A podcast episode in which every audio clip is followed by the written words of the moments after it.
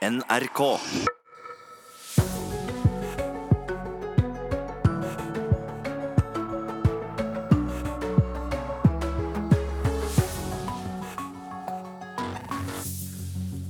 Nordmenn gir bort altfor mye informasjon til de store dataselskapene, og det kan slå tilbake på dem selv. Etterretningssjefen advarer nå det norske folk.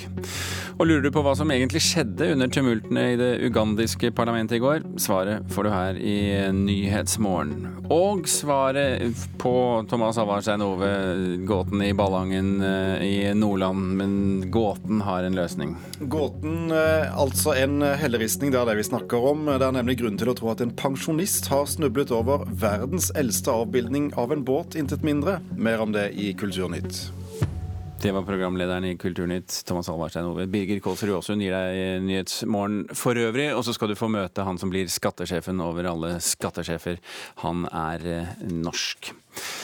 Sjefen for Etterretningstjenesten derimot, han eh, frykter at eh, selskaper som Facebook, Snapchat og Google får for stor makt. Store selskaper samler inn informasjon som kan brukes til å påvirke innbyggerne, sier generalløytnant Morten Haga Lunde, øverste sjef for Etterretningstjenesten.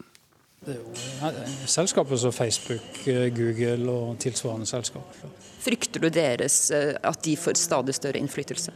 De får stor innflytelse, de får stor makt, og de får veldig mye opplysninger om hver enkelt av oss. Det er mye som bekymrer etterretningssjefen. I tillegg til økt hackeraktivitet fra land som Kina og Russland, er Lunde bekymret over store IT-selskapers makt over norske innbyggere. For det er mange som frivillig gir fra seg all informasjon om livene sine til IT-giganter som Facebook og Snapchat. Nei, Der tenker jeg liksom at jeg er i trygge hender. Der tenker jeg at det er så profesjonelt og de, de kan godt få se hva jeg, jeg, holder på med og hvor jeg bor. Og...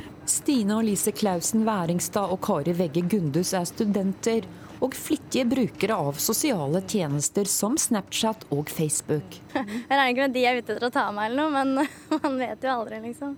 Når etterretningssjefen advarer folk mot å dele for mye informasjon, hva tenker du om det? Altså Jeg skjønner jo det, egentlig. da. Man bør jo være litt bevisst og passe litt på. liksom. Det er ikke alt alle trenger å vite om en person. Ja, så Man kan jo sikkert misbruke det, de som Man vet jo aldri hva folk vil med det. da. Så det er jo Man bør jo passe mer på. Jeg er ikke så veldig flink til det selv, men jeg har tenkt litt tanken, da. Men ikke gjort så mye mer enn det. Jeg tenker jo når jeg svarte nå at jeg bør nok tenke mye mer over det enn hva jeg faktisk gjør. Jeg også deler plasseringen min på Snapchat ja. f.eks. og tenker at det bare er mine venner som ser meg. Og det er sånn som blir bare nesten verre og verre, skal man si. Nå som sosiale medier og alt blir bare større og større, så det blir liksom mer og mer informasjon man kan få tak i om en person. Da. Så man bør jo egentlig være litt bevisst da, på sånne ting. Det er ikke alltid man vet hvem som egentlig kontrollerer store globale selskaper og deres mulighet til å påvirke innbyggernes tanker og gjerninger er en økende trussel, ifølge etterretningssjefen. Ja, først bør en jo tenke på hva en eh, gjør sjøl i det digitale rom. Eh, hva opplysninger en gir ifra seg, og hva en legger igjen eh, i dette, dette rommet. Hvordan kan de misbruke den makten? Ja, dette blir jo en salgsvare de kan påvirke. De skreddersyr informasjon som du får når du logger deg på Facebook eller leser en nettavis, så er det jo ikke tilfeldig hva reklame som dukker opp på dine sider. Men Hvorfor er det en trussel? da? Det er en trussel fordi det er en påvirkning av eh, ditt sinne og din innstilling til ulike ting. En trenger jo liksom ikke leve livet sitt i Facebook, tenker jeg. Ja, reportere her det var Line Tomter og Anne Cecilie Remmen. Til eh, norsk eh, politikk nå. I dag møtes nemlig de fire borgerlige partiene for å diskutere videre samarbeid Knut Arild Hareide har allerede slått fast at KrF ikke går inn i regjering med Frp. Opposisjonspartiene på Stortinget mener KrF får mer igjen for å samarbeide med dem. En av de sakene jeg tror de kanskje vil lytte til, er at vi vil fremme forslag om at vi får tilbake 14 ukers pappaperm. Vi har sett at vi i SV og KrF kan finne sammen på flere saker. Nå er det særlig pleiepengeordninga som er mest aktuell. Også en liten sak som f.eks. at de eldste blant oss fortsatt kan få Nav-slippen i postkassa. Senterpartiet, SV og Arbeiderpartiet har listene klare. Snur KrF ryggen til regjeringssamarbeid, kan det tippe flertallet i opposisjonens favør i flere saker på Stortinget. Jonas Gahr Støre mener det bl.a. gjelder fire ukers pappapermisjon. Og Hvis de nå har den frie opposisjonsrollen som de sier at de har, så har de muligheten til å være med å påvirke det. Mens Trygve Slagsvold Vedum tror KrF utenfor regjering kan bli med å stoppe fremtidige tvangssammenslåinger av kommuner. Kristelig Folkeparti tjener på å stemme for det de er for. Og de har vært for at de skal ha tjenester nær folk, at de ikke skal drive med tvangssammenslåing av kommuner. I en fri posisjon i Stortinget så har vi mulighet til å danne flertall med andre partier enn regjeringspartiene. Sier leder for KrFU, Ida Lindtveit. I dag møtes de fire borgerlige partiene for å diskutere videre samarbeid, men å gå inn i regjering med Frp er uaktuelt. Det kommer ikke noe regjeringssamarbeid mellom KrF og Frp nå. Men KrFU-lederen mener partiet kan tjene på å bli en frispiller i Stortinget. For meg så spiller det ingen rolle hvilke partier som støtter opp om våre politiske saker, så lenge vi får gjennomslag. Reporter her, det var Åse Marit Befring. Ingen i partiledelsen ville kommentere saken i forkant av møtet, som altså startet klokken 14 i ettermiddag. Men Astrid Randen, programleder i Politisk kvarter, det gjør ikke også noen ting, for du kan jo snakke om det i programmet ditt? Ja, vi skal snakke om dette møtet i Politisk kvarter, sjølsagt. For dette blir et avgjørende møte. KrF har sagt at det trolig blir det siste møtet der de forhandler om regjeringsmakta. Og til Politisk kvarter kvarter i dag kommer to av de som skal dit. Jan Tore Sanner, nestleder i Høyre, og Ketil Solvik-Olsen, nestleder i Frp. Så skal vi høre hva de vil gjøre for å forsøke å overtale KrF og Venstre til å bli med på laget likevel. Politisk kvarter kvart på åtte her i denne kanalen.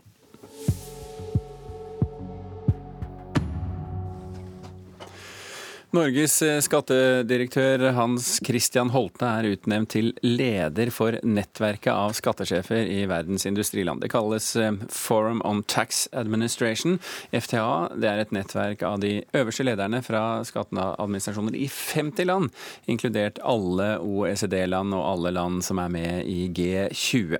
Utnevnelsen skjer i forbindelse med at skattedirektører fra hele verden møtes i Oslo denne uken. Og eh, skattedirektør Hans Christian Holte, velkommen til Nyhetsmorgen. Tusen takk. Eh, hvorfor vil du være sjef for denne gjengen av eh, skattesjefer?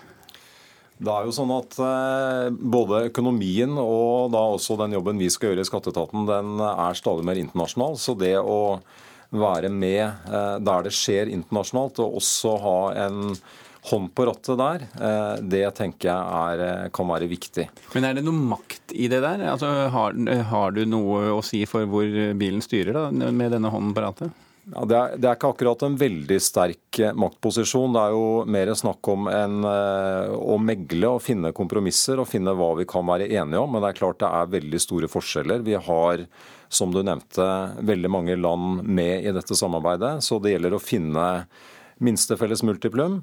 Samtidig så tror jeg det er såpass mye som skjer nå internasjonalt at det er mulig å finne en del samarbeidsområder som kan være viktige. Så jeg ser på den jobben sånn sett også rett og slett å finne fram til de gode kompromissene, og, og finne muligheter til å få en, eh, en litt mer samordna eh, skattepolitikk, for å bruke det uttrykket, eller skatteadministrasjon internasjonalt. Men når du sier at det er mye som skjer internasjonalt, hva sikter du til da? Da sikter jeg bl.a. til at akkurat i disse dager så blir det en eh, betydelig økning i informasjonsutvekslingen mellom skatteadministrasjoner. Så i eh, september i år, altså i løpet av denne uka, så er det 50 land som eh, utveksler finansiell informasjon. Altså innskudd, formue og inntekter mellom, mellom 50 land i et helt annet volum enn det har vært tidligere. Så det er en, en ganske ny Eh, og mye dypere samarbeid enn det har vært tidligere. Men Betyr det at det finnes nordmenn eh, med hva skal vi si, skatteplasseringer i andre land som nå burde passe seg litt? Dette er eh, et godt tidspunkt eh, å komme til oss og bruke denne ordningen som heter frivillig retning. Det, er, det vil jeg i hvert fall si. I løpet av, eh, av kort tid så vil vi sitte på, på, ganske mye informasjon. Da er det ikke mulig å bruke denne frivillige retningsordningen som vi har hatt i flere år, og som mange har benyttet seg av. Og Det betyr, så vidt jeg forstår det, at altså inntil nå så har dere kunnet gå og spørre om informasjon hvis dere hadde noe eh, mistanke. Nå får dere den informasjonen, uavhengig av hva dere spør om, er det sånn?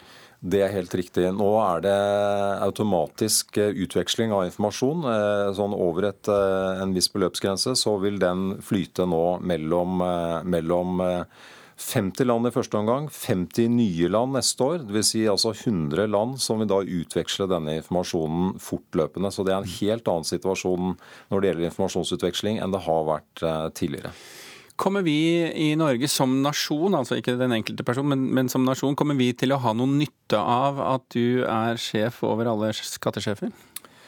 Det vil jo vise seg, men jeg har i hvert fall ambisjoner om å, å, eh, sørge for at vi er med i utviklingen av disse internasjonale ordningene. Jeg tror Norge som et lite land, som et åpent land, eh, også har nytte av å finne gode eh, ordninger her. Her sitter jeg jo da i et styre og sitter sammen med Kina, Russland, USA bl.a. Det er klart det er Du blir ikke enerådende? Jeg blir definitivt ikke enerådende der, men samtidig så tror jeg det er kanskje et par grunner til at det nå skjer så mye på det internasjonale området. Det ene er at eh, det er en generell konsensus, en generell enighet om at vi kan gjøre ting enklere for eh, bl.a. næringslivet, som jo er veldig internasjonalt, ved å harmonisere reglene våre. Og det andre er at det da også vil være vanskeligere å, å skjule ting og utnytte forskjeller i systemene. F.eks.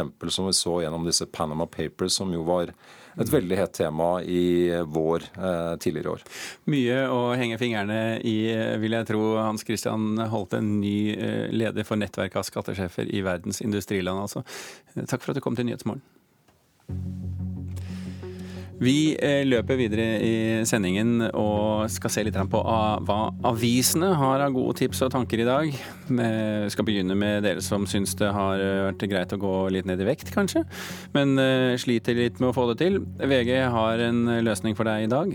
Bli vegetarianer. Ny forskning eh, viser ifølge avisen at kosthold uten kjøtt er dobbelt så effektivt som en vanlig slankekur. Forskningen har de fra det amerikanske Journal of American College of Nutrition maten. Årsaksforklaringen er at plantebasert kost fyller opp magen like mye som med kjøtt, men har lavere energitetthet, altså færre kalorier. Smart. De nye lånereglene ser ikke ut til å stanse hyttesalget, men det har endret hvem som kjøper hytte. Det kan se ut som om den nye låneforskriften har stoppet prisstigningen på boliger i pressområder, som f.eks. Oslo.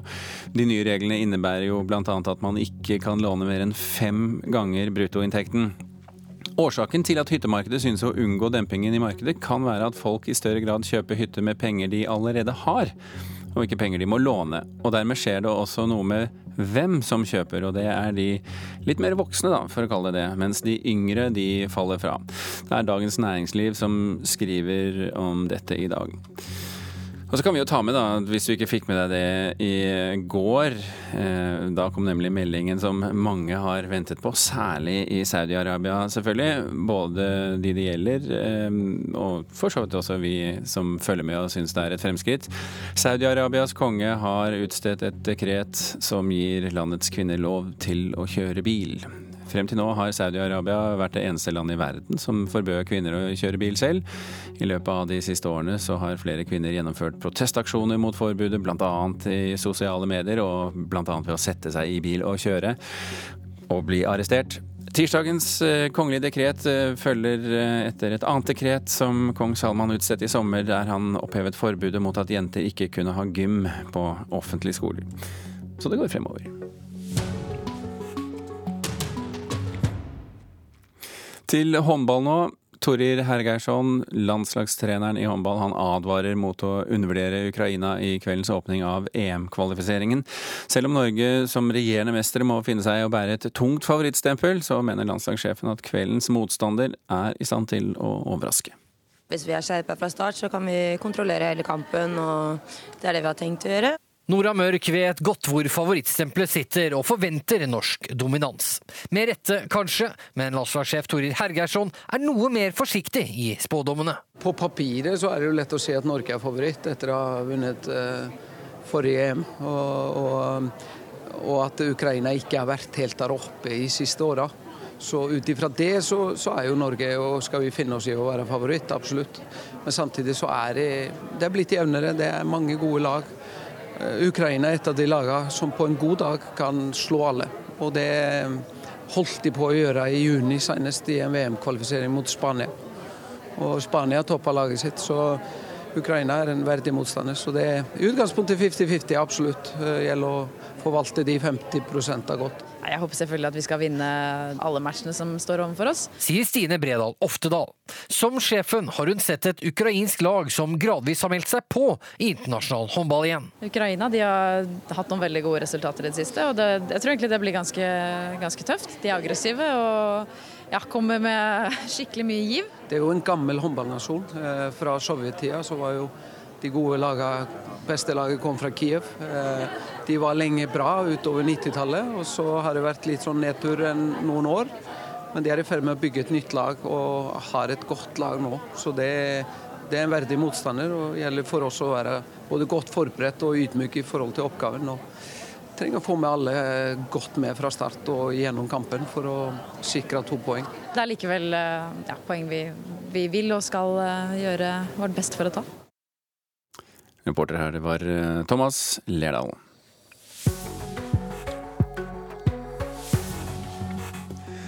Du hører på Nyhetsmorgen i NRK P2 og Alltid nyheter. Klokken har passert 06.49. Eh, Dette er hovedsaken i nyhetene i dag. Kvinnen som er siktet for dobbeltdrap, vil ikke godta varetektsfengsling. I dag møtes de fire borgerlige partiene for å diskutere regjeringssamarbeid. Opposisjonen oppfordrer KrF til å spille på deres lag. Så skal vi til eh, Afrika, nærmere bestemt Uganda, der det gikk veldig hardt for seg i parlamentet i går. Bilder av rasende politikere som hiver stoler på hverandre, det har gått verden rundt nå. Og Afrikakorrespondent Sverre Tom Radøy, du var utenfor parlamentet i Kampala i går. Hva var det egentlig som skjedde der inne? Take your seats, sa parlamentets eh, administrator, og, og, folk gjorde det. Stoler føyk veggimellom, det var rene slåsskamper. Så ropte noen at eh, det var andre som hadde våpen, politiet stormet inn, det var ganske vilt. Eh, tidligere hadde opposisjonen møtt opp med, med røde bånd rundt hodet som et tegn på at det konstitusjonen som de forsvarer, ja, den er de faktisk villig å dø for. Da jeg var utenfor parlamentet, så var det rolig akkurat der. Andre steder i byen så var det tåregass og fengslinger. Men hva er det eh, som er årsaken til opposisjonens sinne her? Det er denne president Meseveni Museveni som har sittet i over 30 år. Og parlamentet fjernet eh, den loven om at det bare var eh, to presidentperioder som, som var lovlig. Det skjedde for tolv år siden. Nå nærmer jo presidenten seg 75 år. Han er 73 år i dag. Og det er en lov som sier at du ikke får lov å stille til valg hvis du er 75 år eller eldre. Så den vil han nå ha fjernet, og da må han forandre konstitusjonen. Men hvem er, hvem er disse som egentlig protesterer nå, Sverre Tom? Det er først og fremst unge mennesker, studenter ved universitetene, har uh, protestert i over lengre tid. Det har spredd seg til andre deler av landet. Uh, nå er det også politikere, altså, og også folk innen hans presidentens egne rekker. Pluss menneskerettighetsorganisasjoner og religiøse ledere. Denne opposisjonslederen som giftet seg med, med presidentens tredje kone, han ble for øvrig fengslet i går. Men så blir han jo stadig gjenvalgt, og nå blir han jo eldre og eldre. Kan han få endret konstitusjonen? Ja, så Det har man jo da uh, store håp om å gjøre i mange deler av, av, av systemet. Han, han, har absolutt flertall, sånn at det kan han godt gjøre.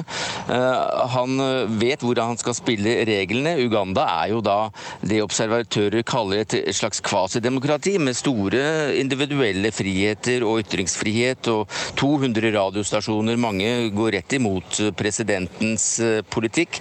Så, så dette dette er det andre kaller for et, et eh, diktatur light, som nå altså ungdommen vil, eh, vil, forandre til å bli et ordentlig demokrati. Eh, slik unge mennesker også i Kongo, Burkina Faso, Togo, Gambia osv. vil kvitte seg med ledere som bare blir sittende og sittende. Men, men forstår jeg deg riktig, Sverre Tom? Altså, Museveni kommer til å bli sittende også etter dette valget? Ja, det, det, Han får nok det han vil igjennom i parlamentet til slutt. Uh, nemlig at han kan stille til valg i 2021 eh, også. Uh, da er han over 75 år. Men vi skal huske på at når slike bevegelser også på det afrikanske kontinentet begynner å, å rulle og, og, gå, ja da er det veldig uforutsigbart hva som kommer til å skje i dette landet som har vært ganske stabilt til nå. Etter at bakteppet, må vi huske, var jo altså Idi Amins despotstyre fra på 70-tallet, da flere hundre mennesker ble drept. Så det er mange som velger eh, stabilitet framfor usikkerhet.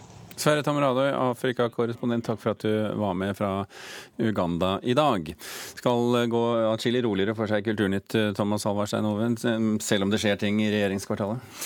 Ja, der har jo riving av noen av de ødelagte byggene vært i gang en stund. Men nå nærmer det seg brått en avgjørelse om hvem som får jobben med å bygge det nye regjeringskvartalet. Men først til en historisk oppdagelse i, oppdagelse i Nordland. 10 000-11 000 år gamle helleristninger av en båt er nemlig funnet i Efjord i Ballangen. Funnet blir beskrevet som unikt, for dette kan være verdens eldste helleristninger av båt, mener forsker Jan Magne Gjerde ved Universitetet i Tromsø det er ekstremt stort. Dette her er en, egentlig en verdenssensasjon som, eh, som, kommer til å gå inn i, eh, i forskningshistorien da, eh, på en eller annen veldig, veldig, veldig stor måte. Det sier forsker Jan Magne Gjerde ved Universitetet i Tromsø. Og det er helleristning av en båt som ble funnet 70 meter over havet i Vallebukta i Efjord i Ballangen. Finneren er pensjonert statsgeolog Ingvar Lindahl? Nei, jeg var jo på besøk på det kjente feltet med helleristning oppfor eh, Vallebukta i Efjorden. Så oppdaga jeg jo nå at det så ut som det var et litt utydeligere um, figur som, uh, som ligna på en båt. Det er jo artig å sette seg ned på berget og tenke på hvordan uh, var det her da. Ikke sant? Havet gikk jo opp i den høyden og, osv. så videre. Så det var jo det var et primitivt uh, jaktfolk antakelig som, uh, som, levde der og hadde et, et, bosted der i nærheten. Forsker Jan Magne Gjerde er sikker på at dette er verdens eldste helleristning av en båt. Mest sannsynlig tror jeg verdens eldste avbildning av en båtfigur. Og uh, Det er jo ganske unikt at den blir funnet nå, men den viser jo òg at det kan finnes nytt der det tidligere er funnet helleristninger. I 1932 ble geologer første gang kjent med helleristninger av både nise, sel og bjørn på Valle i Efjorden. Og de var ikke lett å oppdage. Man må ha lyset akkurat i riktig vinkel for å kunne se de eh, figurene. Eh, de eh, er datert gjennom eh, eh, endring i havnivå. Da. På steinalderen så sto jo havet mye høyere opp. Så grunnet landhevinga da, så kan vi datere helleristningene. Da ser vi at de helleristningene her er mellom 10 og 11 000 år gamle. Og de er svært godt bevart. Det ser ut som det er en skinnbåt, litt lik den umiakken som vi finner på Grønland. Og båten er litt over fire meter lang. Veldig fin med detaljer. Du har kjølelinja, relingslinja, og så har du da, når du kommer fram, så har du en veldig flott avslutning opp som ender her i stammen på båten. Det går, det går, ikke an å beskrive det å finne sånne ting. Det gjør ikke det. Det er bare ufattelig artig. Og reporter i Ballangen, det var Kjell Micaelsen. Aftenposten skriver at uh, nytt forslag til minnesmerke i regjeringskvartalet også uh, kan bevare Picasso-verket fra den omstridte Y-blokken som er planlagt uh, revet. Hvordan vil de løse dette, reporter Sigrid Sørumgård Botheim? Ja, Det er den nå pensjonerte sivilarkitekten Bernt Johan Schäffler som kommer med dette forslaget. Og Ideen er at Picasso-verket 'Fiskerne' ikke skal flyttes sjøl om Y-blokket skulle bli revet. Verket skal bli på nøyaktig samme stelle som i dag, i samme høgde og i samme retning. Hvordan skal dette bli gjort til et minnesmerke, da? Eh, Schäffler eh, foreslår å sikre kunstverket med et fundament, og påføre navnene til dem som omkom etter 22.07-terroren rundt fundamentet. Han foreslår å, å omkranse det med et vannspeil. Da er jo spørsmålet eh, hva slags reaksjoner har kommet på forslaget? Byantikvar Janne Willberg sier at det her er veldig interessant. Mens eh, prosjektleder i Statsbygg Jo Ultveit Mo han er litt mer skeptisk, og han er usikker på om det er noen god idé å koble Picasso sin kunst til hendelsene 22.07. Og så kommer det flere nyheter om regjeringskvartalet i dag. Hva dreier det seg om, eh, Sigrid? Ja, I dag skal Statsbygg, etter det oss kjenner til, kunngjøre hvem som får tegne det nye regjeringskvartalet. Før sommeren ble det klart at Statsbygg ville arbeide videre med de to prosjektene som heter Adapt og Lysning. Hvem av de to det blir, får oss altså vite i dag.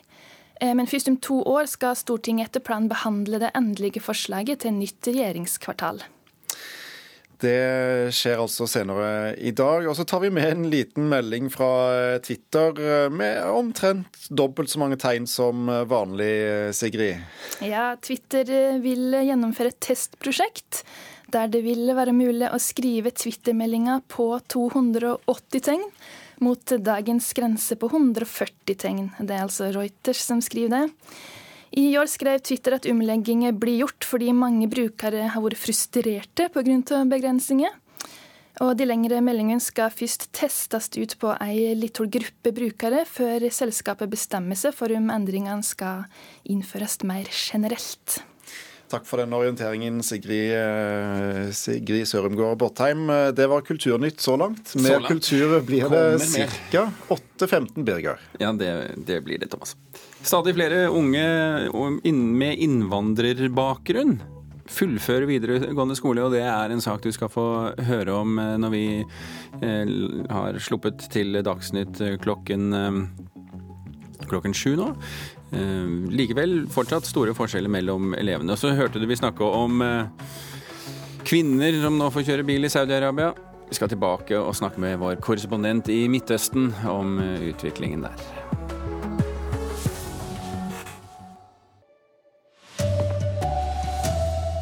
Etterretningssjefen er kritisk til Facebook og Google, mener IT-gigantene vet for mye om oss.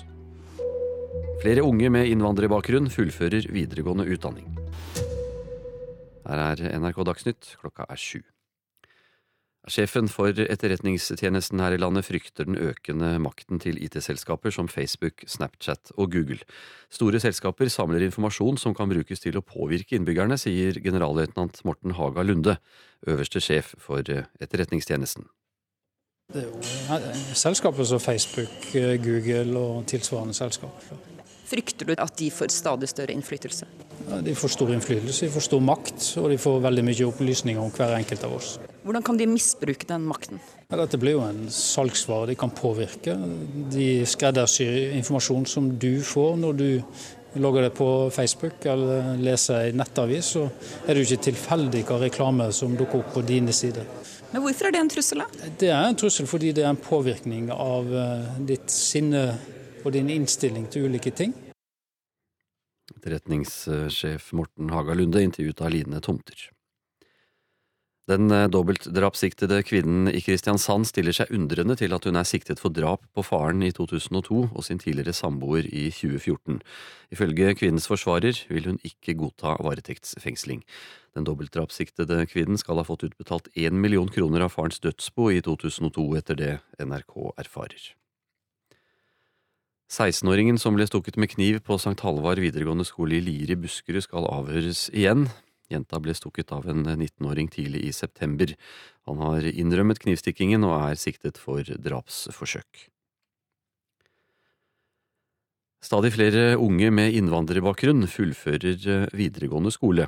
Mens andelen barn av innvandrere som fullførte videregående innen fem år var 66% i 2013, var det i fjor 72% og det er det samme som landsgjennomsnittet, viser tall fra Kunnskapsdepartementet.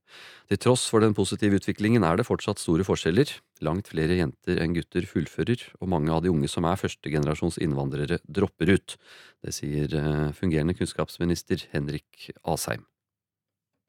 Ja, Det er en veldig alvorlig eh, ting fortsatt. Selv om pilene peker riktig vei, så er vi på ingen måte i mål. og Det kan skape et utenforskap for veldig mange unge mennesker.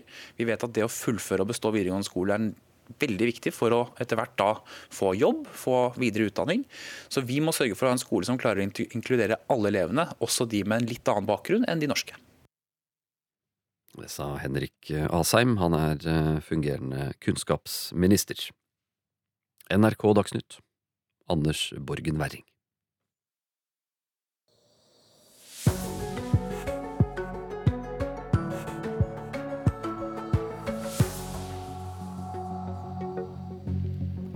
En kvinne i 40-årene fra Kristiansand fremstilles i dag for varetektsfengsling, siktet for to drap. Og som du hørte i Dagsnytt, flere og flere unge med innvandrerbakgrunn fullfører videregående skole. Du skal få høre en eh, forsker som ja, er han overrasket, eller er han ikke? Og så skal vi til Storbritannia, der det britiske Labour har gått i en mer sosialistisk retning med sin leder Jeremy Corbyn, til ganske stor suksess, faktisk. Suksess for Jeremy Corbyn, altså. Vi får nå se resultatene av det etter hvert. Men vi skal eh, til Kristiansand nå. Der en 40 år gammel kvinne, eller en kvinne i 40-årene, i dag eh, fremstilles for varetektsfengsling, siktet for to drap. Politiet mener hun forgiftet sin tidligere samboer i 2014, og har også siktet henne for drap på sin egen far i 2002. Etterforskningsleder Cecilie Pedersen Hille sier kvinnen lenge har vært mistenkt for drapet i 2014. Som jeg nevnte innledningsvis, så er det pågått en lang og omfattende etterforskning eh, helt siden 2014. Eh, hvor mistankegrunnlaget gradvis har blitt styrka eh, hele veien. Og det er bakgrunnen for at vi går til pågripelse først nå. Hun er sikta for å ha forgifta sin tidligere samboer på et hotellrom i Kristiansand i 2014. De har to mindreårige barn sammen. Dødsfallet ble etterforska som mistenkelig, men ikke før tre år etter har politiet sikta henne, sier Hille. Utover i etterforskninga blir kvinna også mistenkt for drapet på sin egen far for 15 år siden. Mannen, som da var i 50-årene, skal ha blitt funnet død i badekaret hjemme i sin bolig i Kristiansand.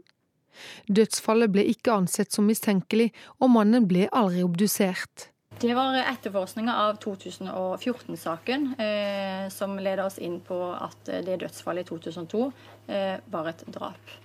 Eh, så det er først under etterforskninga av 2014-saken, når den eh, ruller og går, og opplysninger man får i den, som gjør at man da ser på 2002-saken som noe annet enn et naturlig dødsfall. Politiet vil ikke gå ut med motiv. Etter det NRK kjenner til, skal kvinners far ha etterlatt seg et dødsbo på nærmere 13 millioner kroner brutto. Kvinnen skal bare ha fått utbetalt én million kroner av dette som pliktdelsarv. I tida etter oppgjøret skal kvinnen ha fremma krav om større utbetalinger fra dødsbo og arvingene, etter det NRK får opplyst. Kvinnens forsvarer sier den siktede stiller seg uforstående til siktelsen. Hun fremstilles for varetektsfengsling i dag klokka 12.30. Og kvinnens eh, forsvarer Ole Andreas Trana sier klienten hans stiller seg uforstående til siktelsen. Altså reporter her, det var eh, Kari Jeppestøl Arntzen. Stadig flere unge med innvandrerbakgrunn fullfører nå videregående skole. Det viser nye tall fra Kunnskapsdepartementet. Men til tross for at eh, utviklingen er positiv, så er det likevel fortsatt store forskjeller mellom elevene. Jeg kom til Norge, jeg kunne ikke norsk, jeg lærte meg norsk. Jeg startet på ungdomsskole, nå skal jeg snart ut fra videregående. Og jeg er også elevrådsleder. Sara El Hassan er fra Syria, men har bodd i Norge i seks år. Det skal mye til for å klare å integrere i samfunnet. Hun vurderer å studere juss når hun er ferdig. Her det kommer ikke gratis, man må ha motivasjon. Og motivasjon den kommer av meg selv, men også fra folk som er rundt meg, først og fremst familie.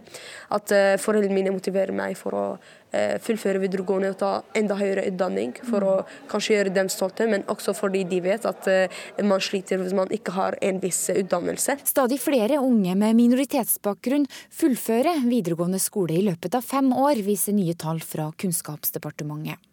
Særlig øker andelen norske med innvandrerforeldre som fullfører. Det er jo noe nytt de siste årene nettopp at eh, barn med eh, foreldre med innvandrerbakgrunn gjør det så godt som de gjør nå. Sier kunnskapsminister Henrik Asheim. Mens andelen norskfødte med innvandrerforeldre som fullførte videregående innen fem år var 66% i 2013, var det i fjor økt til 72% det samme som landsgjennomsnittet. Det viser at vi har en skole som klarer å tilpasse seg også de som kanskje har foreldre med litt annen bakgrunn. Og det viser at integreringen i Norge på veldig mange områder er en stor suksess. Men til tross for positiv utvikling er det fortsatt store forskjeller. Langt flere jenter enn gutter fullfører, og mens flere norskfødte med innvandrerforeldre gjennomfører, er det nesten ingen endring for innvandrerungdommen. Halvparten har ikke gjennomført etter fem år, ifølge Kunnskapsdepartementet. Og det bekymrer Asheim. Det er en kjempeviktig oppgave som norsk skole har, å sørge for at de får den kunnskapen de har krav på. Det vi ser med norsk integrering i skolen, er at den fungerer bedre og bedre jo lenger ut man kommer. Men vi må bli enda flinkere til å fange opp de elevene som kommer direkte fra andre land, og som skal inn i norsk skole. Vi bør ta tak i dem som dropper ut, og bare ikke la dem gå. På Kuben videregående skole i Oslo diskuterer elevene Saleh, Sara og Mohammed hva som må til for å få flere gjennom videregående. Det høres, det høres veldig rart ut, men jeg er med fraværsgrensa fordi om morgenen så tenker du slik at jeg vil helst unngå å få 1% fravær eller 2% fravær, fordi da tenker du jeg må få meg til skole, jeg kan ikke drive og stryke det faget her. Så det er en motivasjon samtidig som det er en plage, på en måte. Eller en irritasjon. Ja, kanskje ansette flere lærere, flinke lærere. Og satse mer på leksehjelp, at vi kan eh, gjøre lekser på skolen. For det er ikke alle som har eh, bra mulighet til å gjøre det hjemme. Eh, satse mer på helsetjenesten, at man har noen å snakke med hvis man har, hvis man har det dårlig eller hvis man føler seg dårlig. Hvis du virkelig vil ha en bra framtid og ha kontroll på livet ditt, så må du fullføre videregående. Du kan ikke forvente å Som de fleste sier, jeg skal jo bli rik. Det sender opp at de dropper ut i andre videregående. Det er ikke sånn det funker. ass. Reporter her, det var eh, Mari Gjelland og Hans Olav Riise. Forsker og postdoktor ved Institutt for sosiologi og samfunnsgeografi ved Universitetet i Oslo, Are Skeie Hermansen. Velkommen til Nyhetsmorgen. Takk, takk. Hvordan samsvarer det du hører her med din forskning? Nei, Det er jo ikke veldig overraskende, den, disse nye tallene. Vi har jo sett fra 1990-tallet og fram til i dag så har det vært en jevn økning i gjennomføringstallene blant norskfødte barn av innvandrere. Så på 1990-tallet så lå det på ca. 60% og så har det økt jevnt opp til de tallene som er helt ferske nå. Hva, hva, tror du er årsaken til at det går den veien? Um, det er uh, Altså det at barn av innvandrere gjør det ganske bra, uh, det uh, munner nok i første omgang ut fra at vi vet at de har veldig høye ambisjoner. De rapporterer høye høyere utdanningsambisjoner og jobber mer med skole enn sammenlignbare elever med samme foreldreutdanningsnivå eller samme karakterprestasjoner allerede i ungdomsskolen og tidlig videregående. Så Det er nok en viktig forklaring. Hva som forklarer endringen over tid, det har vi ikke fullt så gode svar på. En opplagt forklaring ville vært at det skulle være en endring i sammensetningen av den gruppa fra tidlig 90-tall fram til i dag. Og det er det jo også til en viss grad. Men den forskningen som er gjort på det, viser at det ser ikke ut til å være at det er endring i hvilke land de kommer fra, eller hvilke foreldreressurser de har, som forklarer endringen. Så det kan tyde på at det er noe med det norske skolesystemet og utdanningssystemet eh, som eh, gjør at disse elevene klarer seg bedre nå enn det de gjorde tidligere. Er det stor forskjell på hvilke land eh, innvandrerne kommer fra? Ja, det er jo en ganske sammensatt eh, innvandrerbefolkning i Norge, med både eh, ulike grupper som kom som, uh, et, eller som er barn av arbeidsinnvandrere som kom på 70-tallet. Og så er det jo flyktninger eh, som kom fra ulike land. Vietnam, Chile tidlig. etter hvert Iran utover 80-tallet. Og så eks-Jugoslavia på 1990-tallet, Somalia osv. Men, men kan vi se at resultatene på skolen følger opprinnelsesland? Ja, absolutt. Det er ganske stor variasjon på tvers av landet. Det vi ser, er at de gruppene som gjør det svakest, det er eh, Marokko og Tyrkia de gjør det ganske dårlig, mens land fra Sørøst-Asia, særlig Vietnam, de gjør det veldig bra. Mens Pakistan, som er den største gruppa, ligger sånn midt imellom. Men Marokko og Tyrkia, man skulle jo tro at det var i utgangspunktet sånn relativt høyt utdannet altså Snittutdannelsen i de landene er vel ganske akseptabel, er det ikke det? Ja, altså De som kommer til Norge, de har ganske lav i absolutt forstand så har de ganske lav utdanningsnivå. Og det gjelder for veldig mange grupper. Men det som er ganske interessant, er at hvis vi sammenligner disse innvandrerforeldrene med utdanningsnivået i hjemlandet sitt, så er de ofte mye mer utdanna enn det, mye bedre utdanna enn det som er snittet i landet sitt.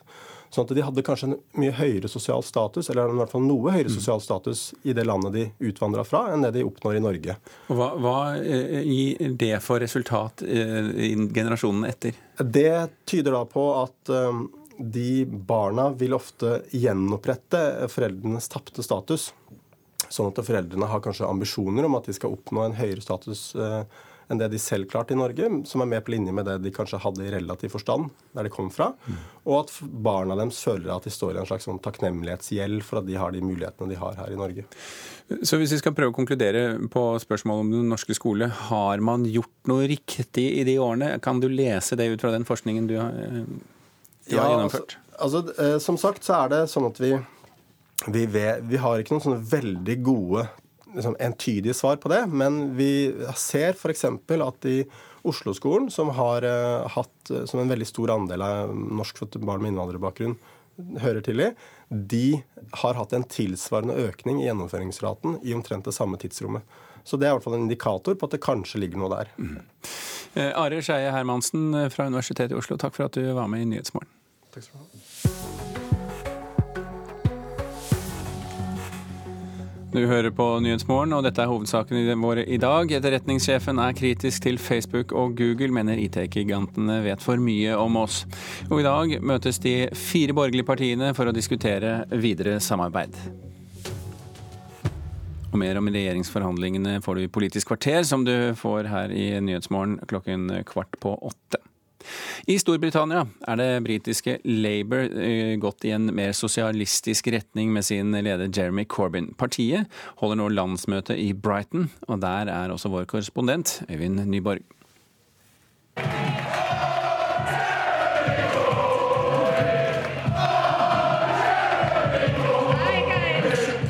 Labour-leder Jeremy Corbyn kommer ut på scenen på et utested i Brighton, og stedet tar fyr.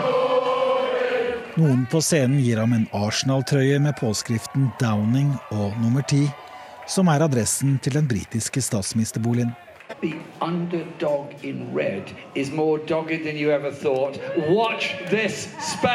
Som Arsenal-tilhenger er jeg vant til å være underlegen, men du skal se hvem som vinner til slutt, sier han. På et av de mange konferanserommene på landsmøtehotellet jobbes det med en plan for å vinne regjeringsmakten fra de konservative. Muligheten for nyvalg er til stede. Statsminister Theresa May står svakere etter valget i juni, samtidig som det er åpen krig i regjeringen om hva slags forhold Storbritannia skal ha til EU etter brexit. Well, we regjeringen er sårbare pga. brexit. Får vi sjansen, skal vi kjempe for å vinne, sier innenriksminister Andrew Gwynn i Corbyns skyggeregjering og medlem av partiledelsen til NRK. Med Corbyn som leder er partiet gått i en mer sosialistisk retning. Partiet snakker mer enn på lenge om arbeidsfolks rettigheter, om at jernbanen og posten igjen skal bli i det offentliges eie. Det er et tydelig brudd med det den tidligere lederen og statsminister Tony Blair sto for da han vant regjeringsmakten i 1997. Samtidig er mange briter skeptiske til Corbyn pga. hans radikale bakgrunn. Sentrum i partiet er også bekymret, selv om få står åpent fram om det nå. Men brexit splitter også Labour. Utenfor landsmøtelokalene demonstrerer EU-tilhengerne. Brexit er som gift. Totalt kaos, sier Susan Monroe, en av deltakerne på landsmøtet. Men partiledelsen blir beskyldt for å legge lokk på brexit-diskusjonen. Øyvind Nyborg, Brighton. Førstelektor ved Universitetet i Agder, Jan Erik Mustad, med oss på linje fra Kristiansand. Velkommen til Nyhetsmorgen. Takk for det. Er alt så rosenrødt for Labour som det kan virke? Nei, men de er mer eh, omforent enn de har vært på lenge. Eh, det har vært mye splittelse i partiet etter Jeremy Corbyn ble partileder i 2015. Men eh, nå ser de ut som, iallfall på overflaten, at de er mer omforent. Og det skyldes hovedsakelig to ting. Det ene er dette valget som ble nevnt i reportasjen her, at de gjorde det veldig mye bedre enn enn det både eh, oss her hjemme og folk i Storbritannia trodde. De tok 30 nye seter i Underhuset. Og så er det det at i et topartisystem så er det en viss dynamikk. Når det ene partiet er i splittelse og har uro i egne rekker, ja, så blomstrer det andre partiet. Og vi vet at det konservative partiet nå sliter med en mindretallsregjering og disse forhandlingene eh, med Europa. Og dermed så, så eh, skal vi si, går Labour litt frem pga. det, og står nå på terskelen til makt, som de sier på landsmøtet. Så får vi se om det blir nyvalg. Vi, vi, ser jo det i mange land i Europa for tiden, Musta, at sosial, sosialdemokratiske partier som går mot midten i politikken, de blir ofte spist opp lite grann.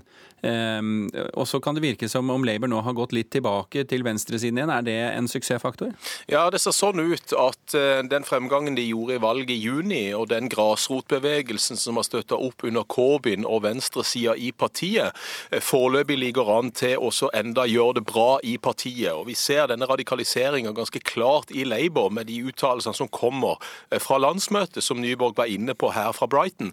Så, så vi ser en større kløft mellom de konservative og Labour. Så får vi se da med talen til Jeremy Corbyn eh, i dag eh, hva slags retning partiet ønsker å ta inn mot et eventuelt nyvalg. For det er det klart at Labour forbereder, i og med at regjeringen er så svak som den er.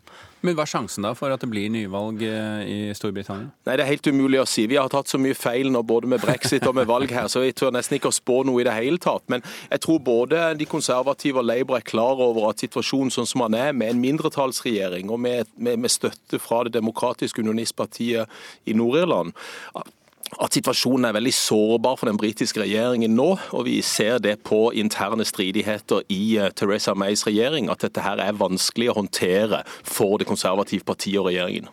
Men er Labour-leder Jeremy Corbyn eh, statsministermateriale, syns du? Eh, jeg har vel vært en av de som har vært veldig skeptisk til, til Corbyn, og vel for så vidt enda skeptisk til dette som går på han som statsminister. Eh, så vi får se hvordan, hvordan dette går. Men, men, Hva bunner den skepsisen din i? At han har veldig liten erfaring fra frontlinjepolitikk, for å si det sånn. Han var jo en såkalt backbencher i Labour fra 1983. Har lang parlamentarisk erfaring i å være i opposisjon både til egen regjering og til konservative regjeringer.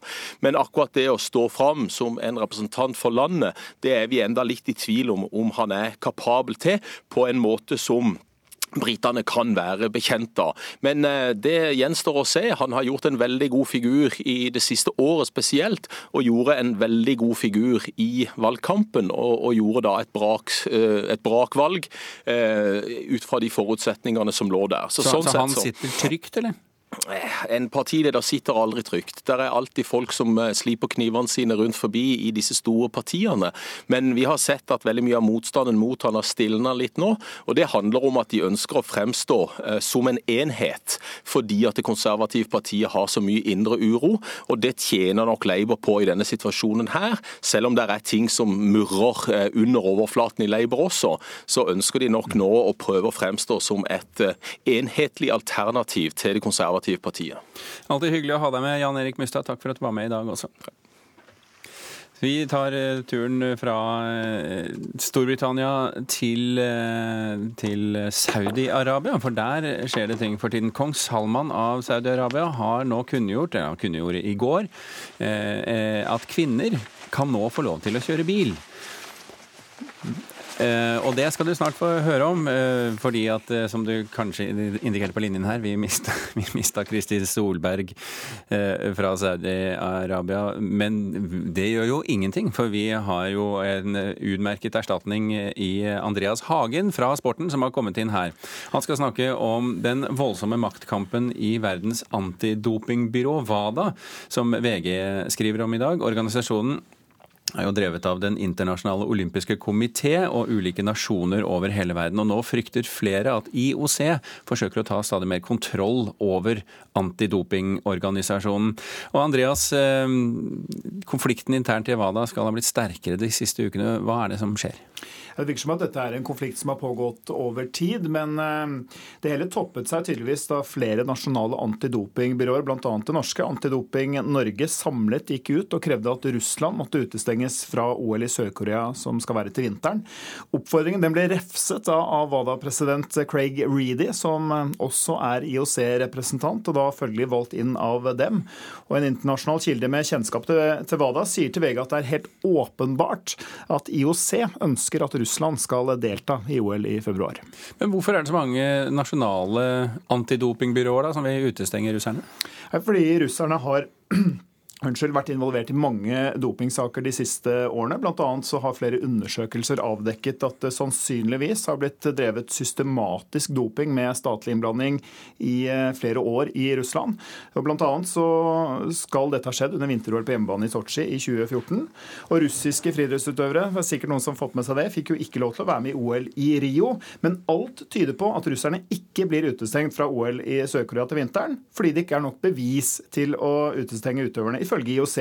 Og Det snakkes om at Russland vil få en bot, og det mener da at eh, nå 40 nasjonale antidopingbyråer er en for mild straff.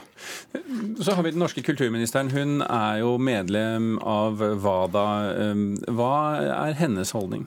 Ja, Hennes rolle er ganske sentral her. Hun sitter nå også som visepresident i WADA. Hun har jobbet aktivt for det som blir omtalt i organisasjonen som One Voice, altså én stemme. og Det er et forsøk på å få de ulike myndighetene, altså de ulike nasjonale antidopingbyråene, til å oppdra samlet, sånn at ikke IOC-delen av WADA får for mye makt. Men Helleland hun er sparsom med å kommentere maktkampen til, til, VG. Hun sier at hun ikke kan kommentere det som skjer på interne møter, men hun forstår at det oppleves som at det er interessekonflikter i en del saker. Men Helleland hun skal ha gitt eh, klart uttrykk for under WADA-styremøtet i Paris i helgen at eh, president Reedys refs av de nasjonale antidopingbyråene var upassende. Og hun sier at det er viktig at WADA er et uavhengig organ, og at bukken ikke må passe havresekken. Så kan man jo tolke det ja. som man vil. Eh, det er klart og tydelig en voldsom maktkamp, med andre ord åpenbart. Ja. Andreas eh, Hagen, takk for at du orienterte.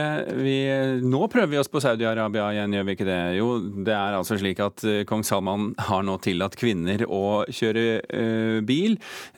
Slik det er nå, så har jo det vært umulig for dem, så, for de har risikert å bli arrestert eller bøtelagt. Og Midtøsten-korrespondent Kristin Solberg, hvorfor skjer dette akkurat nå?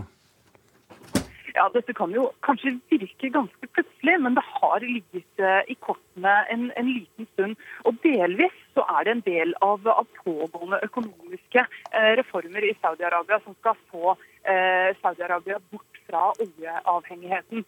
Og Som del av dette så kommer også andre reformer, bl.a. at eh, har myndighetene en mål om at 30 av, av kvinnene, 30 eh, av arbeidskraften skal være kvinner innen eh, 2030. Og Da jeg var i Saudi-Arabia eh, tidligere i år, så snakket, eh, snakket, jeg med mange kvinner som sa at dette er første steg til, til flere rettigheter. Bl.a. Eh, for at vi skal kunne kjøre bil. For hvordan skal vi da komme oss til jobben hvis vi ikke, ikke kan, kan, det? Og Vi ser jo også at det er andre reformer, sosiale reformer på gang i, i, i kongeriket. Det er ved forrige valg så var, fikk kvinner stille som kandidater for, for første gang. Og, og, denne måneden så fikk kvinner lov til å gå på idrettsarrangementer eller idrettsstadioner for, for, for første gang. Så det skjer, det skjer, endringer. De skjer ikke veldig, veldig raskt. Men det er endringer, små endringer i, i riktig retning. Men Hvordan reagerer kvinnene selv på dette her da, i Saudi-Arabia? Ja, Dette blir jo tatt veldig godt imot. Det har jo vært en langvarig kampanje fra kvinnerettighetsaktivister i Saudi-Arabia, både i Saudi-Arabia og utenfor Saudi-Arabia, for at kvinner skal få kjøre bil helt siden første gang i 1990, da, da kvinner satte seg bak rattet uten lov og ble arrestert og fikk det fikk flere konsekvenser for dem. Og Den kampanjen har fortsatt uh, siden 2008 nå. Uh, bare for et par år siden så ble en kvinne arrestert i, i over 70 dager for å ha kjørt inn i Saudi-Arabia fra Emiratene. Uh, så kampanjen har pågått, og dette er jo en stor, stor seier og noe kvinnerettighetsaktivister innad i Saudi-Arabia har jobbet veldig hardt for og, og tatt modige steg for å, for å nå. Kanskje litt tidlig å kalle det demokratisering av samfunnet? Ja, absolutt. Og, og, og, selv om dette er et steg i riktig retning på, på kvinnerettighetsfronten, så, så, er det langt, langt eh, igjen. Eh, Saudi-Arabia er et av landene i verden med færrest rettigheter for kvinner og flest kvinneundertrykkende lover. Og det er flere lover igjen før, før likestilling nås eh, i det landet.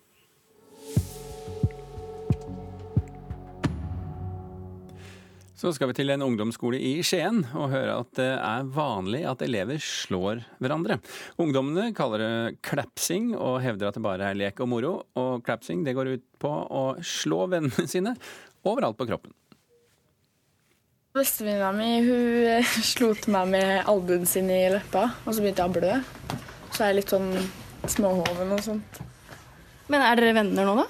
Ja, ja, vi er Vi blir bare For hver gang vi slår hverandre, så blir vi bare bedre og bedre venner. Det er bare gøy. Det er sant. Ja, det er faktisk veldig sant. Men er ikke det litt rart? Er ikke, er ikke det her litt rart? Nei. Altså, nei. Det er Det viser tegn på et godt vennskap. Ja. Liksom. At du ikke blir sur på den personen som slår deg. Ja, fordi Vi er en rar skole, altså. Og nå, nå som du har blitt slått og du begynte å blø, hvorfor sier du ikke fra at det her ikke er greit, eller hva? Nei, altså, jeg tar jo bare hevn, da. Jeg bare slår enda hardere. Etter å ha slått vennen sin, prøver de å løpe av gårde så fort at ikke vennen rekker å slå tilbake. Heidi Holte er miljøterapeut på Konger ungdomsskole, og hun sier at hun har kjent til problemet, men at hun ikke var klar over at det hadde gått så langt. Nei, nå er, må jeg si jeg er litt uh, overraska. Det er mye mer utbredt enn det vi har vært klar over. Jeg syns det er helt hårreisende og grusomt og forferdelig, og vi må jo jobbe for å få de til å slutte med dette her, for å si det sånn. Tror du de syns det er så greit som de sier?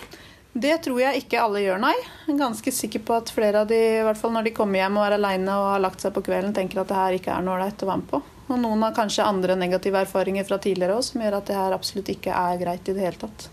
Og det er jo klart, når de eh, beveger seg nedover pupper og rumper og tisser, så er det helt uakseptabelt. Det skal vi ikke ha noe av her. Hun forteller videre at hun nå skal vurdere hvilke tiltak som skal settes i gang for å forebygge klapsing på skolen. Men hvordan skal foresatte reagere på slike ungdomsfenomen?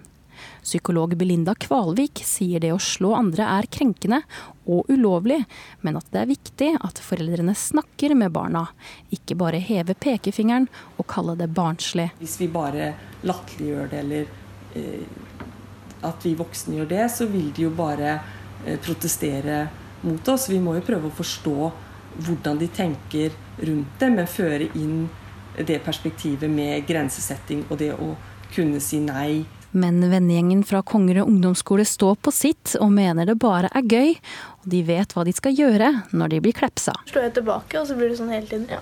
Og så bare lever vi. Reporter eh, her, det var Anniken eh, Sanna. Anders Borgen Wæring har kommet inn i studio for å gi deg de siste oppdaterte nyhetene fra Dagsnytt.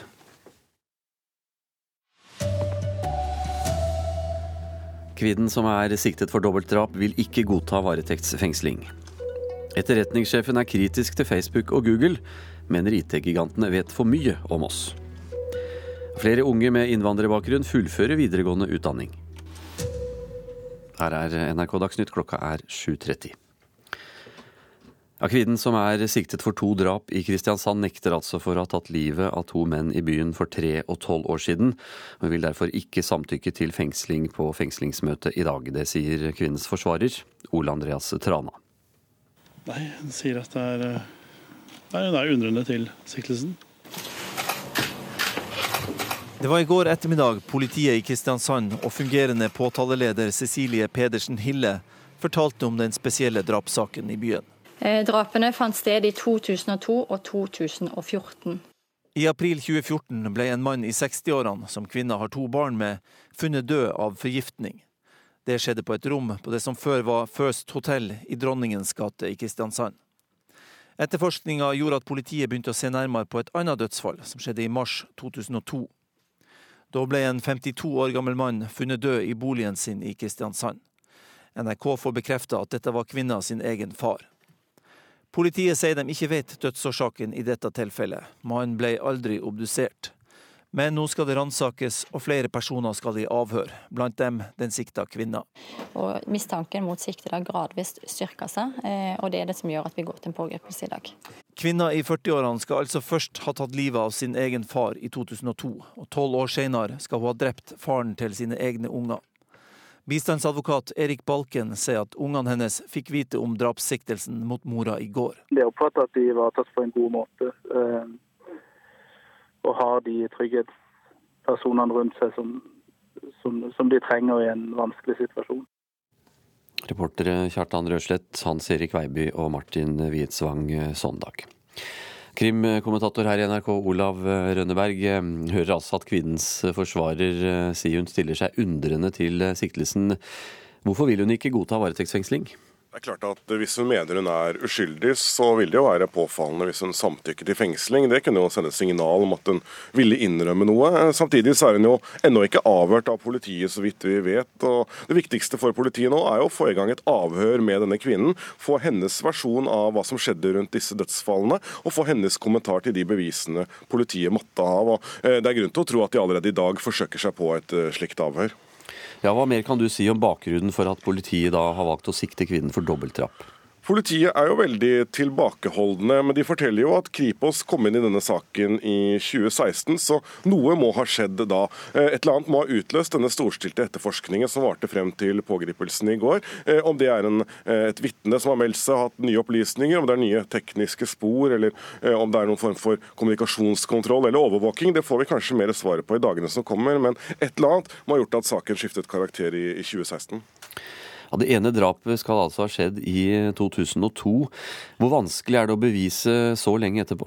Det er klart at det er krevende, og det er krevende å få en domfellelse på et uh, over 15 år gammelt drap dersom den uh, siktede, eventuelt tiltalte senere, nekter skyld. Da skal det eventuelt masse beviser til. Politiet sier at de ikke har noe teknisk bevis for at det var drap i 2002.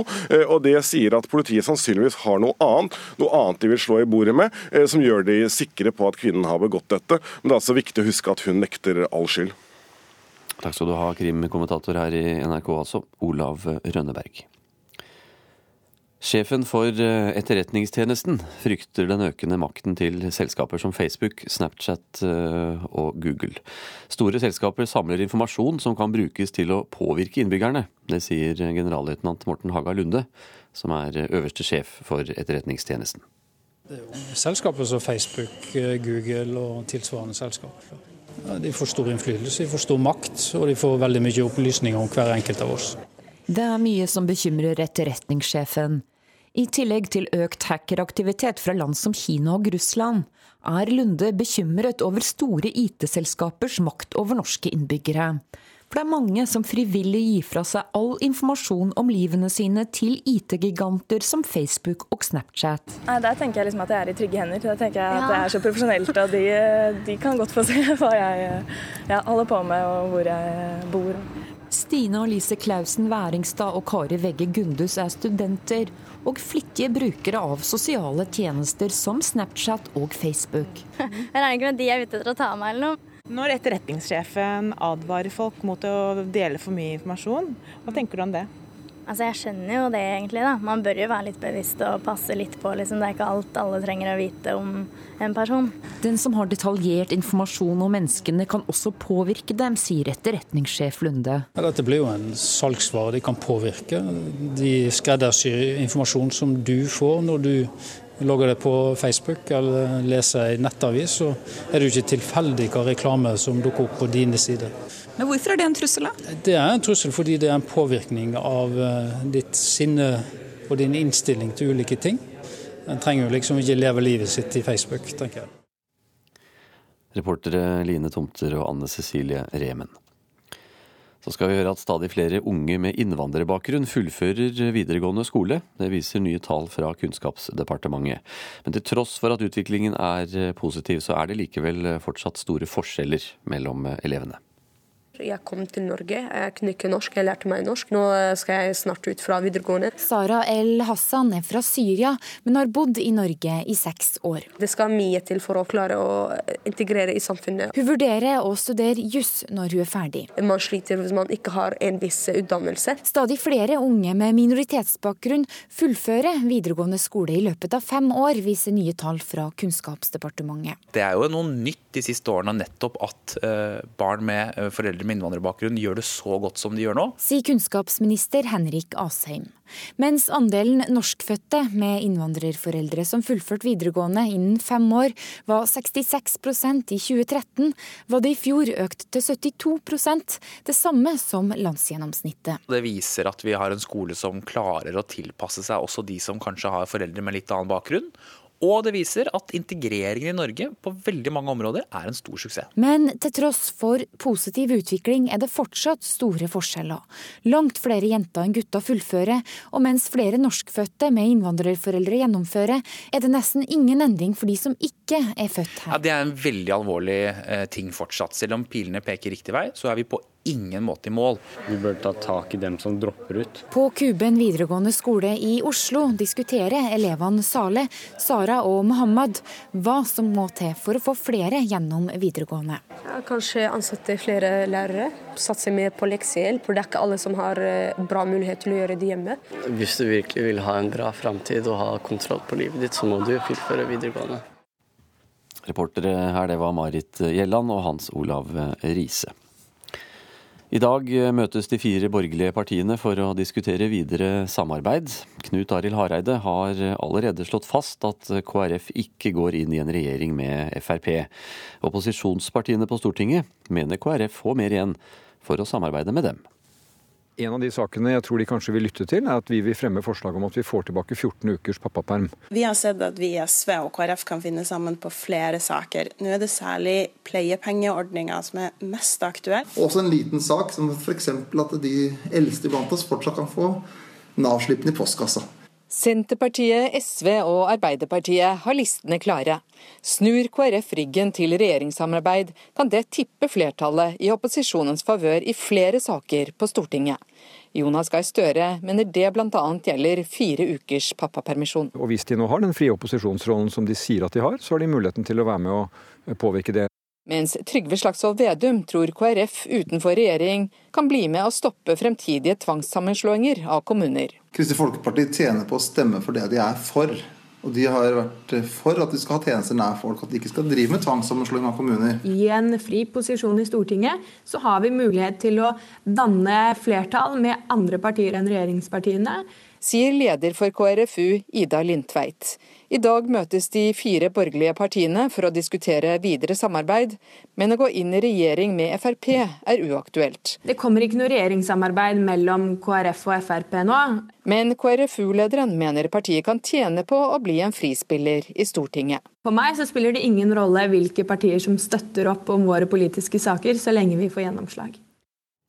Og ingen i eh, KrFs partiledelse vil eh, kommentere saken i forkant eh, av møtet mellom de borgerlige partiene, som altså starter klokka 14 i ettermiddag. Reporter her, det var Åse Marit Befring. Anne Skårseth har ansvaret for NRK Dagsnytt i dag. Jeg heter Anders Borgen Werring.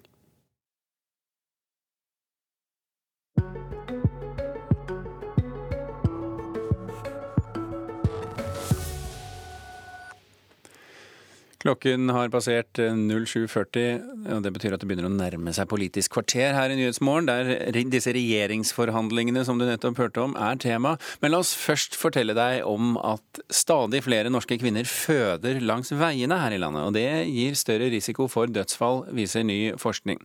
Sogn og Fjordane og Finnmark er på topp når det gjelder risiko for å føde utenfor fødestue eller fødeavdeling. Og en av dem som har hatt en sånn opplevelse, det er Marianne Furvikstrand nærma oss Førde, så eh, kjente jeg at nå må det bare stoppe, for nå, nå begynner presset igjen. Så da eh, var det egentlig bare å eh, puste som en skal og vente på at ambulansen skulle komme. da. Marianne Furevikstrand er en av stadig flere kvinner her til lands som ikke rekker fram til en fødestove eller fødeavdeling i tide. De siste 30 åra har tallet fødeinstitusjoner stupt fra 95 til 45. Samtidig føder dobbelt så mange som for 30 år siden ufrivillig utenfor institusjon. Ny forskning fra Universitetet i Bergen syner også at det er tre ganger farligere å føde langs veien enn på sykehus. Forsker og lege ved Haukeland universitetssykehus Hilde Engjom sier fødsler utenfor sykehus gir større risiko for at barnet dør.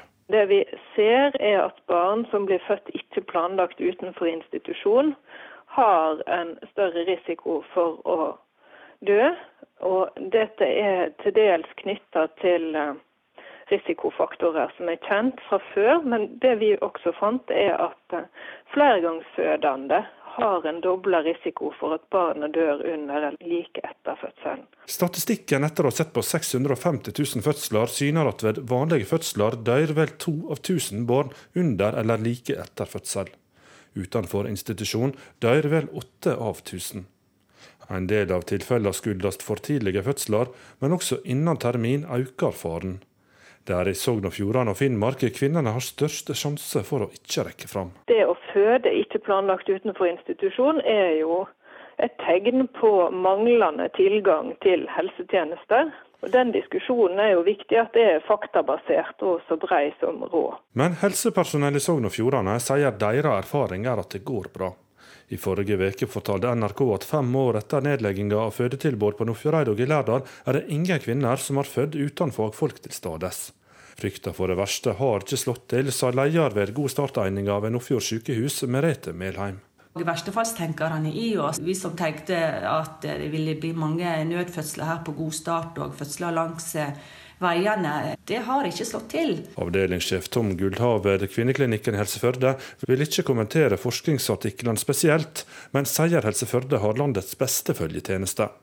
Leger og jordmødre går hver gang gjennom hendelser om det skjer fødsler utenfor fødeavdelinga. Vi har ikke noe på bakgrunn av de lokale gjennomgangene der Eh, for å si at vi, vi har sett noen eh, alvorlige følger eh, av organiseringa. For trebarnsmor Marianne Furevik Strand gikk fødselen i vedkanten bra. Jordmor rakk akkurat fram i tide. Den tredje og raskeste fødselen synte seg å være den enkleste. I ettertid har det jo egentlig bare blitt en god historie, fordi at ting gikk så fint. Vi visste det kunne gå fort, men jeg trodde jo ikke at det skulle gå så fort som det det gjorde. da. Så dette er jo en sånn historie så han stakkars gutten eh, kommer til å få høre veldig mange ganger eh, i oppveksten. Men ellers så eh, skal han jo bare være veldig glad for at alt gikk fint. Reporter i denne saken, det var Asgeir Heimdal Reksnes. En av de sakene vi har snakket om i Nyhetsmorgen her i dag, det er jo saken om at sjefen for Etterretningstjenesten frykter at selskaper som Facebook, Snapchat og Google f.eks. får større og større makt. Eh, etter klokken åtte så skal vi snakke om at eh, Facebook kan bli utestengt fra Russland om de ikke gir fra seg eh, innholdet på sine servere. Men det er altså etter klokken åtte. Nå er det snart Politisk kvarter med Astrid Randen i studio.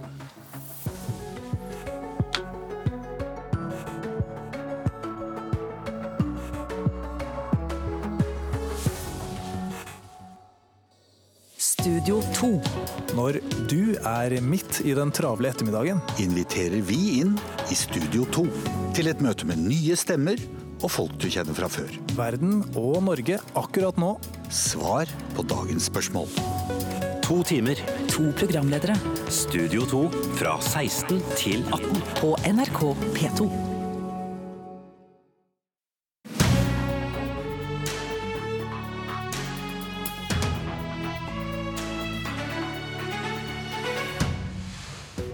Avgjørende møte for regjeringsforhandlingene i dag. Trolig det siste med fire parti. To av forhandlerne sitter klare i Politisk kvarter sitt studio. Klokka 14 i ettermiddag i Komitéhuset på Stortinget tropper ledertrioen i fire ikke-sosialistiske parti opp til det som er varsla trolig kan bli det siste forhandlingsmøtet om regjeringsmakta for KrF sin del. Erik Lunde, sentralstyremedlem i eh, KrF. Har Erna Solberg noe kan lokke KrF med for å få det med inn i folden, eller er løpet helt kjørt for ei firepartiregjering?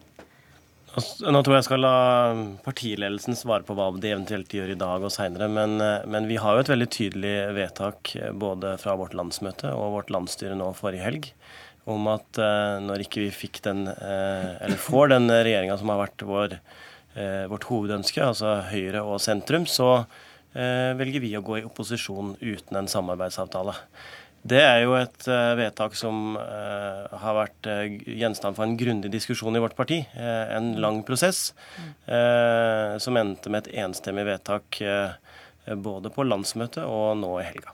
Så det er ikke mye Erna Solberg kan gjøre for å Nei, altså, få KrF med? Jeg tror de fleste som kjenner KrF, vet at vi er opptatt av å si det samme etter valget som vi sa før valget, og gjøre det samme etter valget som vi sa vi skulle gjøre. Og vi har jo sagt hva vi vil gjøre i akkurat en sånn type situasjon.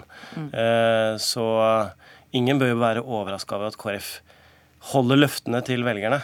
Eh, det burde være en selvfølge. Jan Tore Sanner, nestleder i Høyre. Har du noe du kan lokke KrF med for å få det til å bli med? Poenget er ikke å, å lokke Kristelig Folkeparti. Eh, det viktigste vi skal gjøre på møtet i dag, det er å samtale om alle de sakene som vi er enige om. Vi har jo en historikk sammen, KrF, Venstre, Frp og Høyre.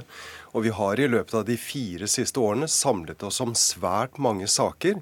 Nasjonal transportplan, helse, kommune- og regionreform. Mange viktige verdispørsmål mm. eh, som ikke er avsluttet i denne perioden, men som peker inn i neste stortingsperiode. Eh, så i, i, tillegg til alle de spørsmålene som jeg vet at eh, dere er opptatt av, eh, om hvem som skal regjere sammen, eh, så er det viktig for oss å, å samtale om alle de viktige spørsmålene, både de vi har blitt enige om, men også de spørsmålene som vi skal løse sammen. Det er mye politikk som skal på plass. Ja, mye politikk skal på plass. Og merk at statsministeren hele tiden har sagt at uansett hvilke partier som sitter i regjering sammen, så skal samarbeidet baseres, og politikken baseres på samarbeid mellom alle fire. Og det er fordi at vi har store forpliktelser overfor hverandre. Mm. Men kan du nå argumenterer jeg med hvorfor KrF bør bli med i denne regjeringa? Ja, Det viktigste er jo at uh, i regjering så får man en helt annen innflytelse enn det du får utenfor regjering. Jeg har uh, sittet utenfor regjering i mange år. Eh, og sitter nå i regjering og ser at eh, i regjering så sitter du med en helt annen hånd på rattet i dag-til-dag-politikken, legger premisser for det som skal gjøres. Eh, og så håper jeg at Kristelig Folkeparti også i årene som kommer, ser at de får mye mer igjen for et samarbeid med de andre borgerlige partiene. Ikke minst i kjernespørsmålene, de viktige verdispørsmålene. Så viser jo hele historien at Kristelig Folkeparti får mer igjen i et samarbeid med Høyre og de andre andre borgerlige partiene, der vi ser at Arbeiderpartiet har gått til kamp mot KrF sine hjertesaker og vendt ryggen til KrF sine hjertesaker. Men kan du love at hvis det nå blir slik at KrF ikke blir med i regjering, og Venstre blir med, at Venstre kommer til å få langt mer gjennomslag enn det KrF får en vippeposisjon i Stortinget? Eh, statsministeren har hele tiden sagt at, eh, at, regjeringens politikk den kommer til å være basert på et samarbeid mellom alle fire partier. Det er vårt eh, utgangspunkt. Det har det vært i de fire årene vi har bak oss, og det kommer det til å være i de fire årene vi har foran oss. Og så sier du at en ja. får mer gjennomslag i regjering enn utafor. Og da er mitt spørsmål om du kan love Venstre mer gjennomslag i enn KrF utafor? Nå skal ikke jeg sitte og love verken det ene eller det andre, men, men, men det sier seg selv at når du sitter i regjering så har du en helt annen hånd på, på rattet. Eh, du har eh, et, eh, en mulighet til å få å håndtere dag-til-dag-politikken og legge premisser for det som skal legges frem for, for, Stortinget. Så i regjering så får du mer gjennomslag enn utenfor regjering, men regjeringens politikk den kommer uansett til å være basert på et samarbeid mellom alle fire partier, uavhengig av hvem som sitter der. Men, men KrF og, og kanskje Venstre kan jo da sitte med vetomakt i Stortinget i en vippeposisjon. Forstår du at de ikke helt tror på det, når, de ser, når du sier at det er for mer gjennomslag i regjering? Både KrF og Venstre har sittet i regjering før, og de vet at de får større gjennomslag i, i regjering. Og politikk handler om mye mer enn vetomakt. Det handler om å legge premisser for samfunnsutviklingen. Det har du mulighet for i regjering. Eh, og Derfor så ønsker vi et samarbeid mellom alle fire. Vi vet at vi blir bedre med, med, gjennom samarbeid. Når fire partier diskuterer sakene, eh, når vi spiller inn de gode, eh, gode løsningene, ja, så finner vi også bedre løsninger sammen. Gir det fra dere makt her, Erik Lunde? Nei, altså Det er jo helt åpenbart at det har noen store oppsider å sitte i regjering. Eh, ellers hadde jo ingen villet vært i regjering. Det, man kan sette dagsorden, man kan, man kan forme politikken fra dag til dag. Men dette blir jo alltid en avveining for og mot hva slags politisk avstand man eh, kjenner på eh, til andre partier, eh, og hvordan det vil slå ut i dag-til-dag-politikken. Det som er viktig for KrF nå, og vårt fokus, det er jo at vi vil søke gjennomslag for mest mulig av vår politikk.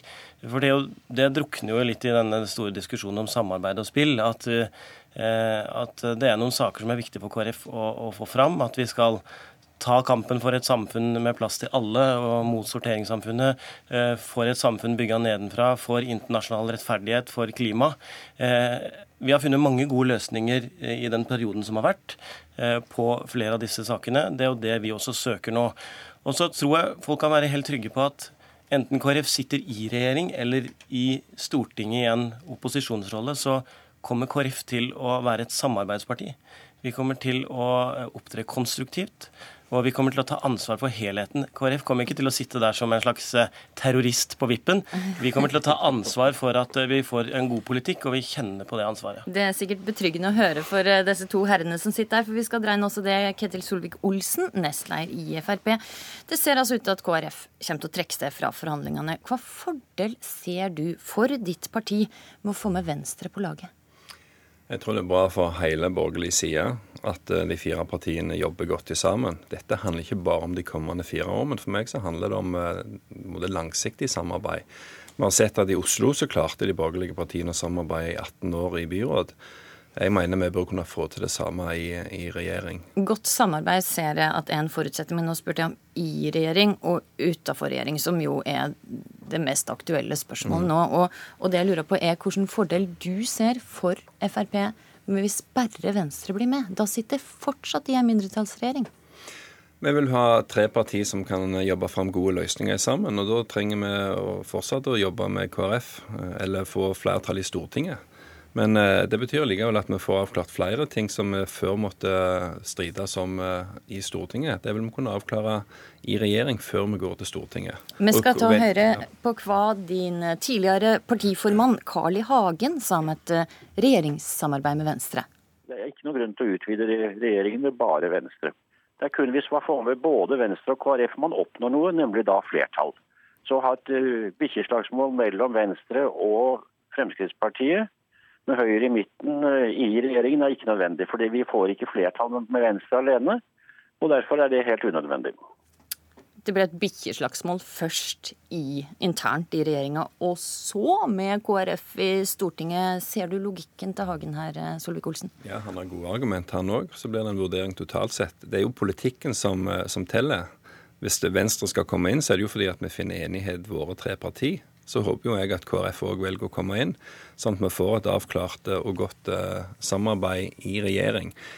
Hvis det var sånn at en fikk til mye mer med å sitte i opposisjon, så hadde jo Frp valgt opposisjon. Vi har 40 års erfaring med det.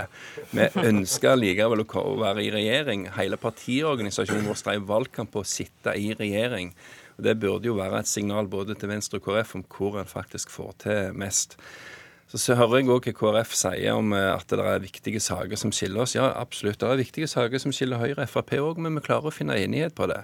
Og En må bare huske tilbake på 1. Eh, mai 2014, når vi begynte å gjennomføre det som var i samarbeidsavtalen med KrF og Venstre. Mesteparten av det venstresiden i norsk politikk protesterte mot på 1. mai, det var KrF sine gjennomslag. Så hvis KrF tror at de får til mye mer med å sitte og spille slalåm i opposisjon, så bør de bare huske på den opposisjonen som finnes i venstresiden i Norge. Og så er det slik at Frp har provosert både KrF og Venstre ei rekke rekke ganger eh, de siste fire åra. Nå sist i valgkampen, når eh, Listhaug eh, var ute etter en debatt her i Politisk kvarter og sa at Knut Arild Hareide sleika imama opp etter ryggen. Forstår du at sånne utsagn forsurer samarbeidsklimaet? Av og til så kommer det spisse utsagn fra alle de ulike partiene. Det som er fint, er jo at ved at vi sitter i regjering med Høyre, så klarer vi å snakke sammen når ulike folk sier spisse ting. Men forstår jeg... du at dette jeg... gjør det vanskeligere for KrF og Venstre, som du jo sier du så gjerne vil ha med? Ja, men jeg tror det er enda enklere å løse opp i sånne ting hvis en faktisk sitter rundt samme bordet hver dag, istedenfor at en møtes til de debattene i media. Men ønsker du at dine statsrådene i din regjering skal si mindre provoserende ting for å gjøre samarbeidsklimaet lettere i jeg ønsker det skal gjelde alle partiene. For jeg har òg vært i debatter der jeg har møtt KrF-politikere som det første de gjør i sine innlegg, er å angripe Frp. Og Sånne ting styrker ikke borgerlig side, men i en valgkamp så markerer en naturlig nok sine egne parti. Samtidig så bør vi ha som mål nå at vi har et flertall i sammen. Vi har et flertall blant velgerne på veldig mange valg på rad. Sånn at her er det mulighet til å bygge et langsiktig, godt borgerlig samarbeid som kan styre landet. Der vi alle må gi og ta, men der vi i sum får til veldig mye bra. Både for de fire partiene hver for seg, men ikke minst samla. Men òg som går i den retning som alle fire partiene har i bånn i sine partiprogram. Jan Tore Sanner, altså om litt uh, over to uker så legger det fram et budsjett for neste år. Er det tilpassa KrF og Venstre, slik at den slipper litt sånn rasende utfall som vi har hatt tidligere budsjetthøster, om eh, kutt i bistand eh, bl.a. Det kommer helt sikkert til å bli diskusjoner også om eh, neste års statsbudsjett. Det er helt naturlig, fordi at det berører så veldig mange ulike spørsmål. Men når vi legger frem et statsbudsjett, så er det også basert på den samarbeidsavtalen vi har Unnskyld. Den samarbeidsavtalen vi har med Kristelig Folkeparti og Venstre. Så det er klart at budsjettet det gjenspeiler samarbeid mellom fire partier. Eh, men det kommer til å bli diskusjon om enkeltsaker, helt sikkert også om, om helheten. Er det, det tilpassa for å prøve å få KrF og Venstre med på laget? Eh, det har vi jo gjort hele denne fireårsperioden. Eh, og vi har jo funnet sammen i alle budsjetter, i alle eh, revideringer av budsjetter, alle de store sakene, så har, med noen ganske få unntak, så har de fire partiene blitt enige. Mm. Erik Lunde, håpa det at Venstre går i opposisjon sammen med KrF, eller håpa det at de går inn i regjering? Hva er best på KrF? Jeg tror eh, KrF må gjøre sitt valg, og så må Venstre gjøre sitt valg. Vi har hatt et uh, godt samarbeid med Venstre over lang, mange år. Uh, vi har på mange måter hatt et skjebnefellesskap. Men jeg er helt sikker på at uansett hva Venstre velger, så vil, også, vil Venstre være også opptatt av å beholde en god relasjon til KrF. Så de får gjøre sine valg. Men så bare kort til det med retorikk og sleiking og den type ting, så tror jeg at den type uttalelser kan gå begge veier, og det skal vi ta ansvar for. Eh, for det, eh, men jeg tror ikke det er først og fremst det som er viktig for KrF når man, tar, når man, bestemmer hva slags samarbeidsform man skal velge. Så dette har ikke vært avgjørende? Nei, altså, nei, det har ikke det. Fordi eh, det, det som eh, Ketil Solvik-Olsen sier, det kan gå en kule varmt, og den kan gå begge veier, og det skal vi ta ansvar for. Det er helt sikkert uh, sant at uh, det har vært situasjoner hvor KrF har sagt ting om Frp som også burde vært usagt. Uh, dette handler jo om den politiske avstanden, om politiske forskjeller. Ehm, det er helt åpenbart at eh, på mange områder så har KrF og Frp mye å samarbeide om. Eh, vi har felles engasjement for eldreomsorg, for eh, familiepolitikk, det å bygge samfunnet nedenfra. Det er mange gode eksempler på det. Men vår vurdering på landsmøtet sist var at den politiske avstanden var for stor til et dag-til-dag-samarbeid. Men det hindrer jo ikke at man kan finne gode samarbeid i mange, mange saker. Mm, så får vi se Eh, hva som skjer eh, på møtet i dag. Det var ingen i KrF-leinga og heller ingen i Venstre-leinga som ville stille opp i Politisk kvarter i dag. Men i morgen i morgen, da kommer både Knut Arild Hareide og Erna Solberg for å fortelle om resultatet av dagens møte. Det starta klokka 14 i dag og varer til utpå kvelden. Det var Politisk kvarter i studio, Astrid Randen.